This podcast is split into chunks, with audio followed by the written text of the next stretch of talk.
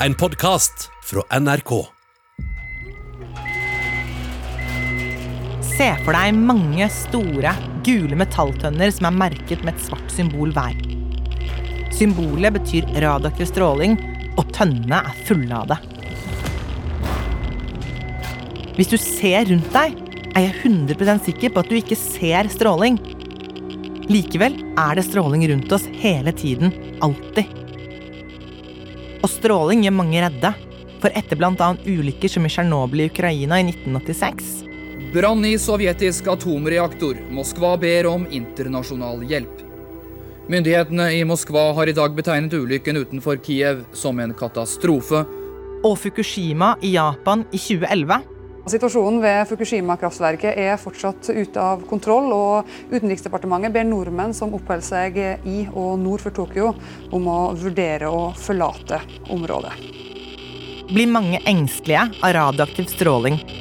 Sånn var det for meg også. Men så skjedde det noe.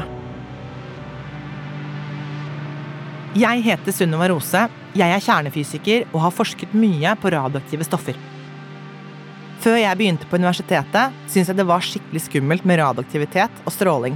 Og jeg likte ikke at det fantes kjernekraftverk så nærme som i Sverige.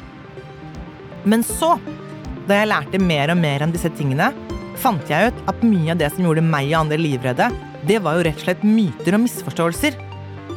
Dette burde jo være pensum.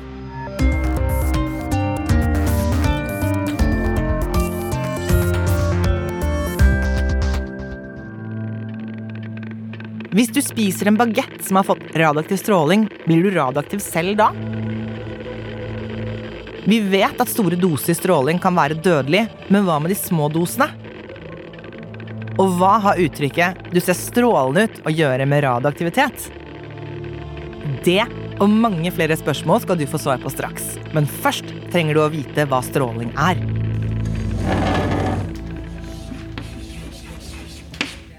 Det finnes mange typer stråling.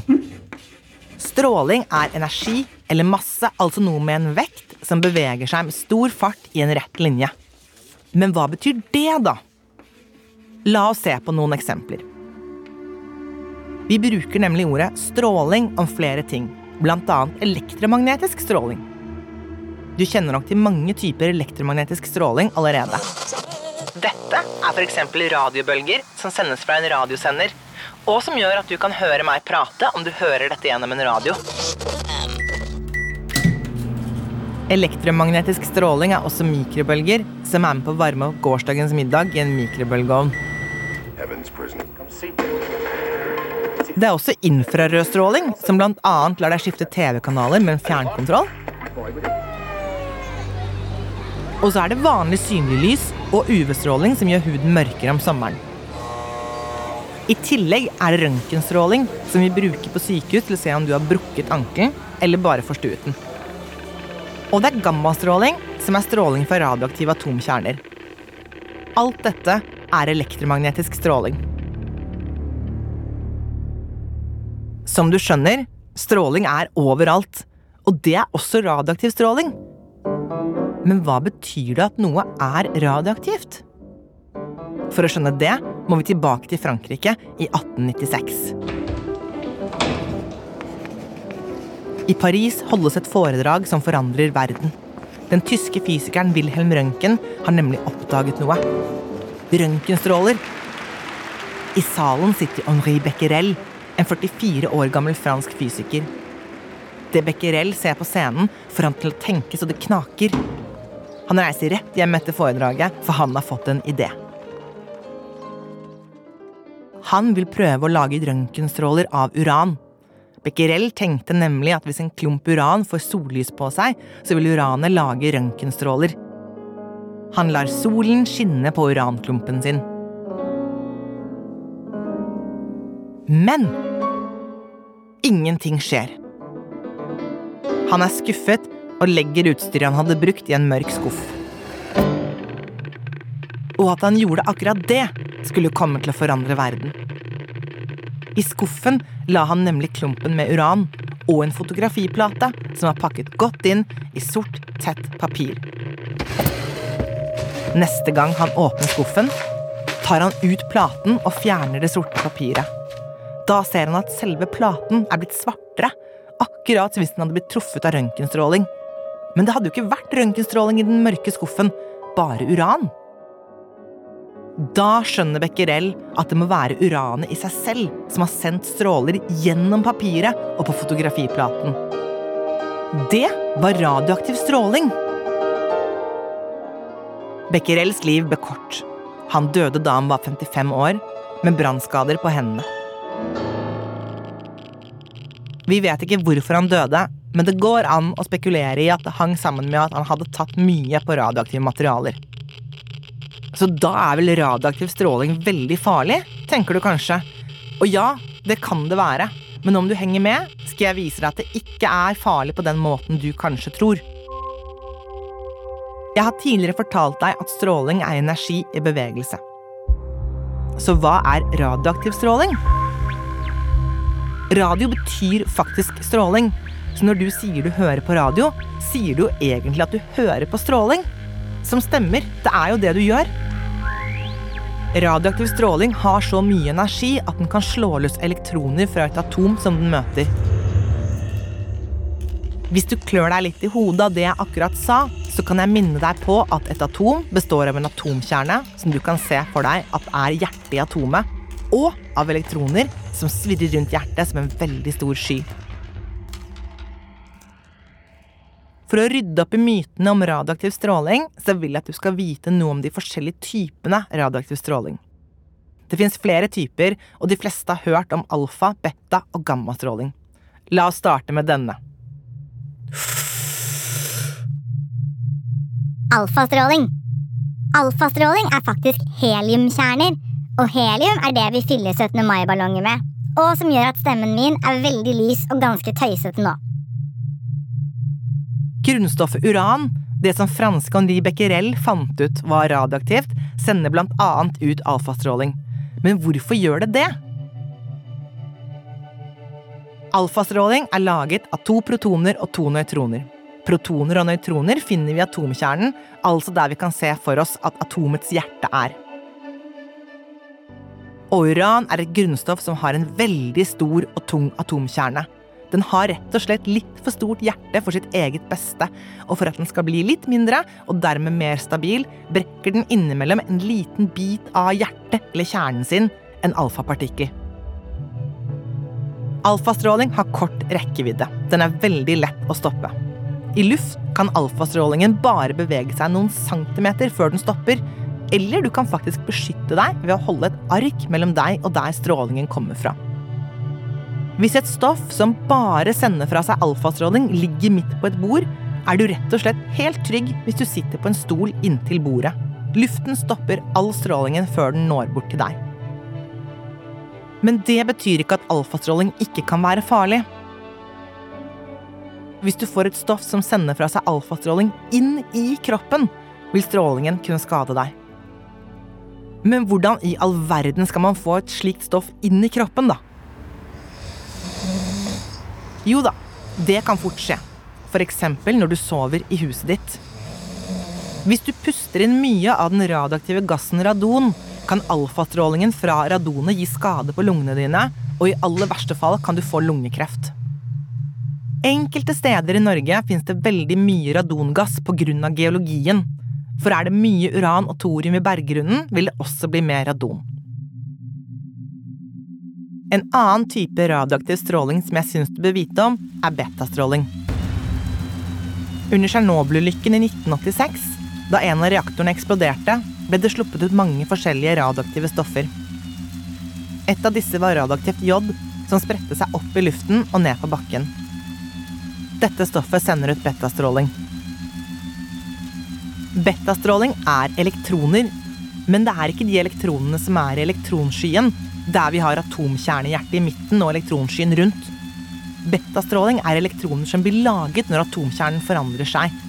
Fordi stoffet betastrålingen kommer fra, er radioaktivt og derfor ustabilt. Og mens alfastråling kan stoppes med papir, er betastrålingen sterkere. I luft beveger det seg flere meter før den stoppes, og hvis du skal beskytte deg, trenger du et tynt lag metall, f.eks. aluminium. Et stoff som sender ut betastråling, kan skade deg både om stoffet er på utsiden av kroppen, og om du får det i deg. Eksempel vil du kunne få sår, ja, brannsår nærmest, hvis du holder et stoff i hendene som sender ut mye betastråling over lengre tid. Hvis du får et stoff som sender ut betastråling inn i kroppen, kan det gi en stor stråledose til et organ, som i verste fall kan gi kreft. Sånn som radioaktivt jod. Da ukrainske barn drakk melk i dagene etter Tsjernobyl-ulykken, fikk de i seg radioaktivt jod, siden jodet hadde lagt seg på gresset som kuene spiste. Når man får jod inn i kroppen, blir det tatt opp i skjoldbuskkjertelen som sitter i halsen. Dette gjelder all slags jod, både vanlig jod og radioaktivt jod. Kroppene våre ser nemlig ikke forskjell på om et stoff er radioaktivt eller ikke. Men siden det radioaktive jodet sender ut betastråling med mye energi, betyr det at skjoldbruskkjertelen kan bli kraftig bestrålt. Og det har vært en økning i skjoldbruskkjertelkreft i de områdene som ble hardest rammet etter Tsjernobyl-ulykken. Derfor kan det være lurt å ta jodtabletter om det skjer en atomulykke. For da fyller en opp skjoldbruskkjertelen med ikke-radioaktivt jod, så det ikke blir plass til det radioaktive jodet. Jeg har nå fortalt deg om alfastråling og betastråling, og så har vi gammastråling. Hvis du ser for deg et fat med krydder, kanelstenger, nellikspikere, kardemommefrø, chili og sorte pepperkorn, så bruker vi gammastråling til å kverke bakterier og virus på krydderet. Gammastråling har større rekkevidde enn alfa- og betastråling, og er ikke så lett å stoppe. Det holder ikke med papir eller aluminium, vi trenger et veldig tett og tungt stoff, som bly. Atomkjernene som sender ut gammastråling, har av en eller annen grunn ekstra mye energi som de vil kvitte seg med. Og måten atomkjernen, eller atomhjertet, gjør det på, er å sende ut gammastråling. Det blir på en måte som atomkjernens svette. Men i motsetning til vår svette, som i verste fall lukter vondt, kan gammastråling bl.a. drepe kreftceller og brukes til å drepe bakterier på krydder, som gjør at krydderet holder seg lengre. For jo færre bakterier, jo saktere råtner maten. Dette er forresten helt trygt. Mat som blir bestrålt med gammastråling, blir ikke radioaktiv selv, den blir bare bakteriefri. Det får jo gammastråling til å høres hyggelig ut, syns du ikke? Nå har du fått høre om alfa, beta og gammastråling. Det er på tide å ta for oss noen myter. For radioaktiv stråling gjør flere engstelige, som Morten. Hei, jeg heter Morten. Jeg er programmerer. Jeg er redd for stråling. Eh, Man kan ikke se det. Og jeg er redd det kan skade hjernen, og at jeg kan bli syk av det. Morten er redd for at stråling skal skade ham. Og som du nå vet, er stråling rundt oss hele tiden. Stråling kan være farlig, så burde Morten være redd? Nei. Myte 1 er derfor at radioaktiv stråling er farlig uansett mengde, og det stemmer ikke. Hør nå. Radioaktiv stråling kan absolutt være farlig. Det er derfor vi bruker den nettopp til å drepe kreftceller med, som er det vi gjør når vi får stråleterapi. Da er jo strålingen livsfarlig for kreftcellene. Men som med alle ting så handler det om dose. Som den sveitsiske legen og kjemikeren Paracelsus sa for nesten 500 år siden. Alle ting er giftig. Ingenting er uten gift. Det er bare dosen som gjør noe ikke giftig. Dette er det helt grunnleggende prinsippet i toksikologi, læren om giftige stoffer. Det betyr at absolutt alle ting er giftige og farlige for oss, men de tingene vi regner som ikke-giftige, må vi ha så store doser av for at det skal være skadelig. Til og med vann har en dødelig dose hvis man drikker for mye. Så, for å avgjøre om noe er giftig eller ikke, enten det er stråling, vann eller blåsyre, må man alltid se på dosen man får. Med stråling er det faktisk også sånn at man må få ganske store doser før det er farlig for oss, og dette måler vi i stråledose. Så hva er en stråledose? Jo, stråledose er hvor mye energi denne strålingen gir til kroppen vår, og denne måles i enheten sivert. Hvis man får en stor stråledose på kort tid, kan det være veldig farlig, til og med dødelig. Mens en liten stråledose over lang tid ikke trenger å være farlig i det hele tatt. Det blir litt som at vi vet det er livsfarlig å få en stein på ett kilo i hodet. Da vil du nok dø. Men om du heller får ti sandkorn som hver veier ett gram i hodet hver dag i tre måneder, så gjør det ingenting.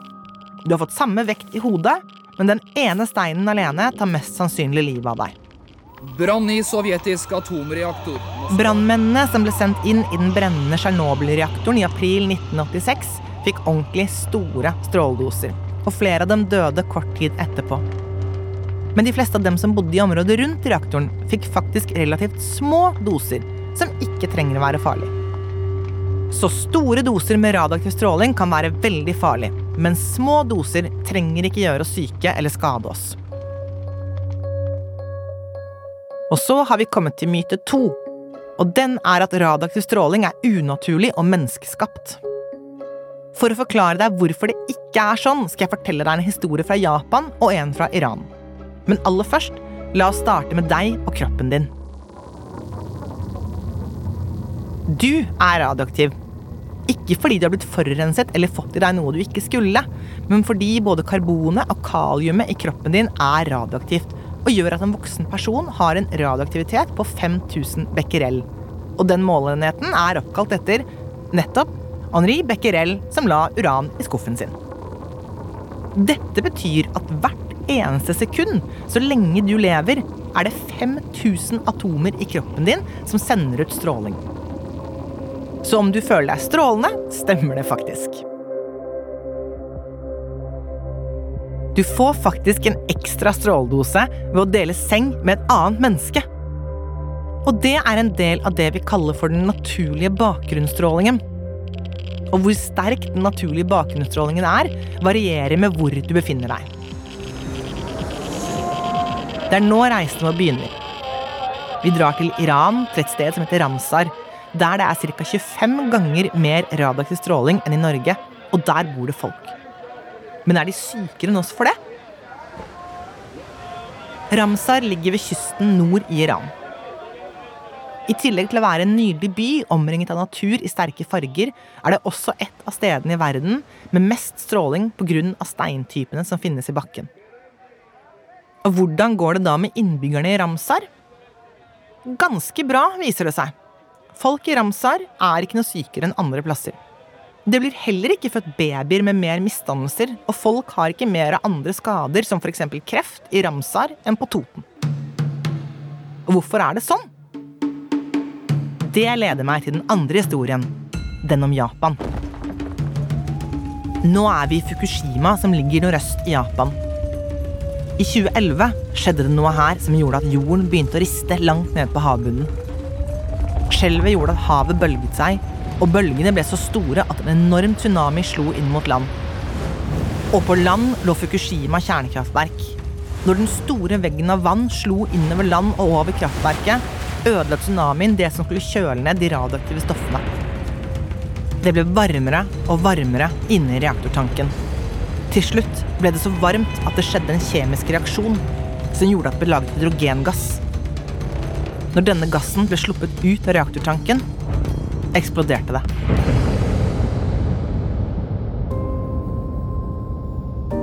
Dette var en forferdelig ulykke, og sånne ulykker skal ikke skje. Likevel hender det at det går galt. En av de som var i Fukushima, var NRKs Asia-korrespondent Anders Magnus. Jeg var uh, i Japan uh, for å rapportere om Fukushima-ulykken, men også selvfølgelig om uh, selve det undersjøiske jordskjelvet og tsunamien som fulgte av det. Men så sa japanske myndigheter at hele Fukushima-anlegget kunne eksplodere. Da reiste Anders Magnus tilbake til korrespondentkontoret i Beijing i Kina. Jeg var aldri redd, selv om denne strålingen er fryktelig ubehagelig, for det er jo en usynlig fiende. Du vet, du kan jo ikke se det. Uh, og du kan ikke vite om den er i luften, og du blir sannsynligvis ikke syk med en gang, men kanskje 20 år seinere. For at Anders Magnus skulle komme seg fra Fukushima i Japan til Beijing i Kina, måtte han bytte fly to ganger og fly i mange timer. Heldigvis eksploderte ikke hele Fukushima-anlegget. Men vet du hva som skjedde? Anders Magnus fikk mer stråling ved å dra tilbake til Beijing enn han ville fått ved å være i Japan. Vel å merke fordi hele kjernekraftanlegget ikke eksploderte. Og hvis han hadde reist tilbake til Norge, ville det vært enda verre. Og vet du hvorfor? Det er to grunner til dette. Den første har med flyturen å gjøre. Det kommer nemlig stråling fra verdensrommet. Dette er også en del av den naturlige bakgrunnsstrålingen som den vi får fra bakken under oss. Jo høyere opp vi er, jo mer stråling blir vi utsatt for, siden atmosfæren som ligger rundt jordkloden, fungerer som et strålingsskjold og beskytter oss. Da Anders Magnus fløy i mange timer for å komme seg tilbake til Beijing i Kina, fikk han mer stråling enn han hadde fått ved å bli i Japan. Min danske kollega han ble jo sendt til København noen uker etterpå og en full gjennomgang av uh, om han hadde fått for mye stråling. NRK var ikke så grundig.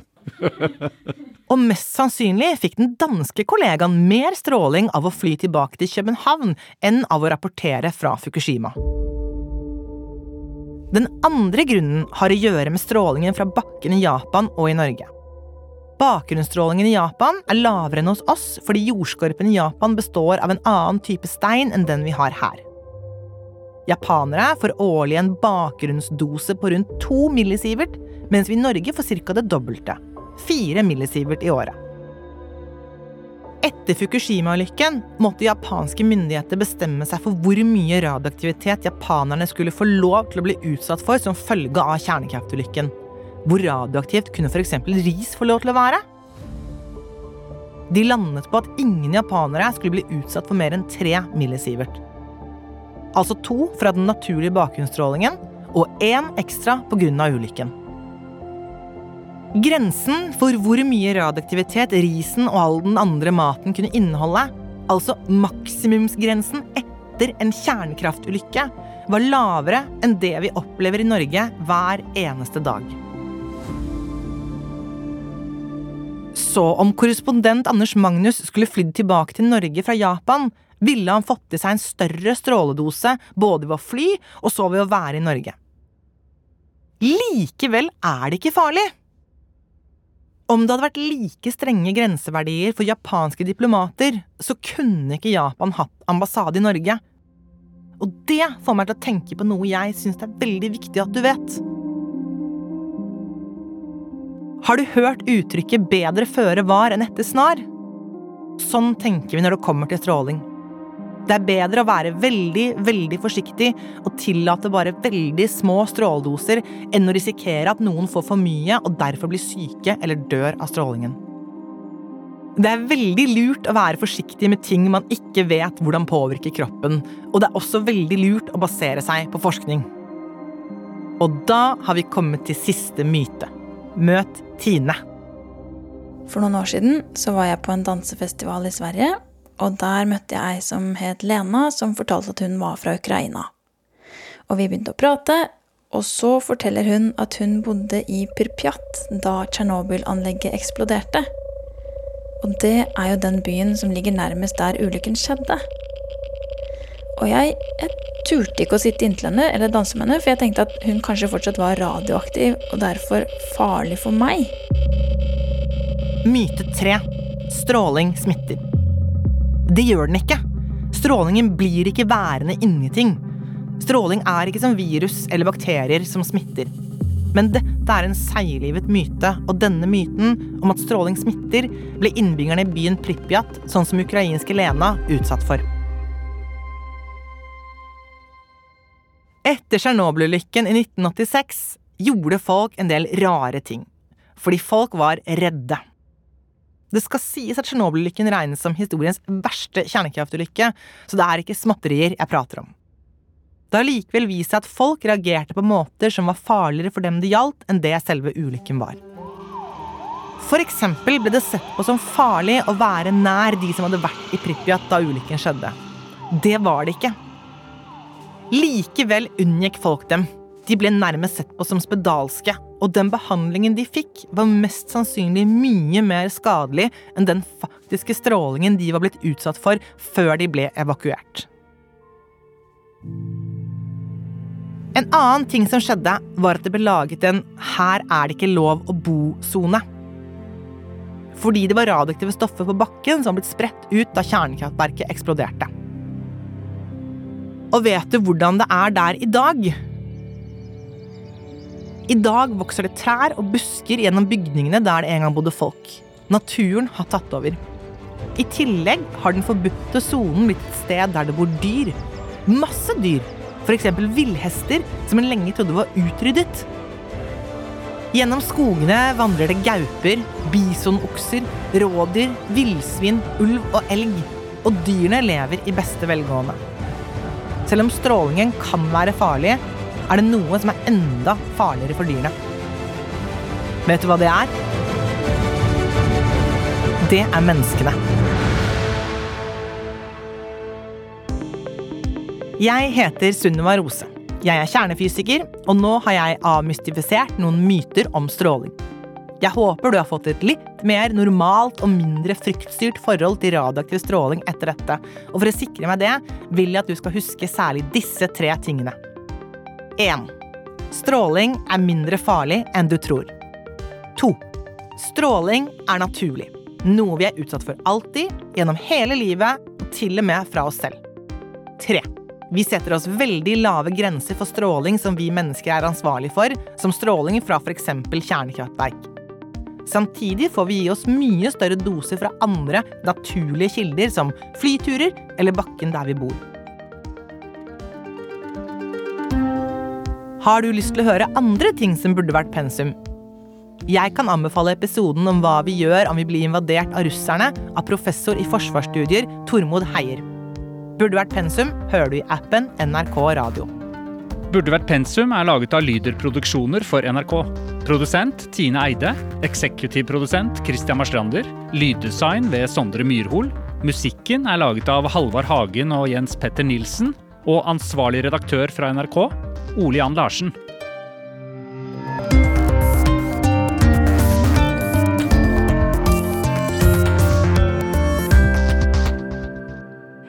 En podkast fra NRK. Hei! Har du lyst til å bli rik? Sånn skikkelig rik? Seks millioner norske er det største jeg har vunnet på én dag. Jeg heter Kristian Strand, og i podkasten Millionærhjerne møter jeg unge mennesker som tjener sykt mye penger. At jeg har på konto alltid minst tre millioner. Minst. Lær deg de smarte triksene fra pokermillionæren, musikkmillionæren eller gamingmillionæren.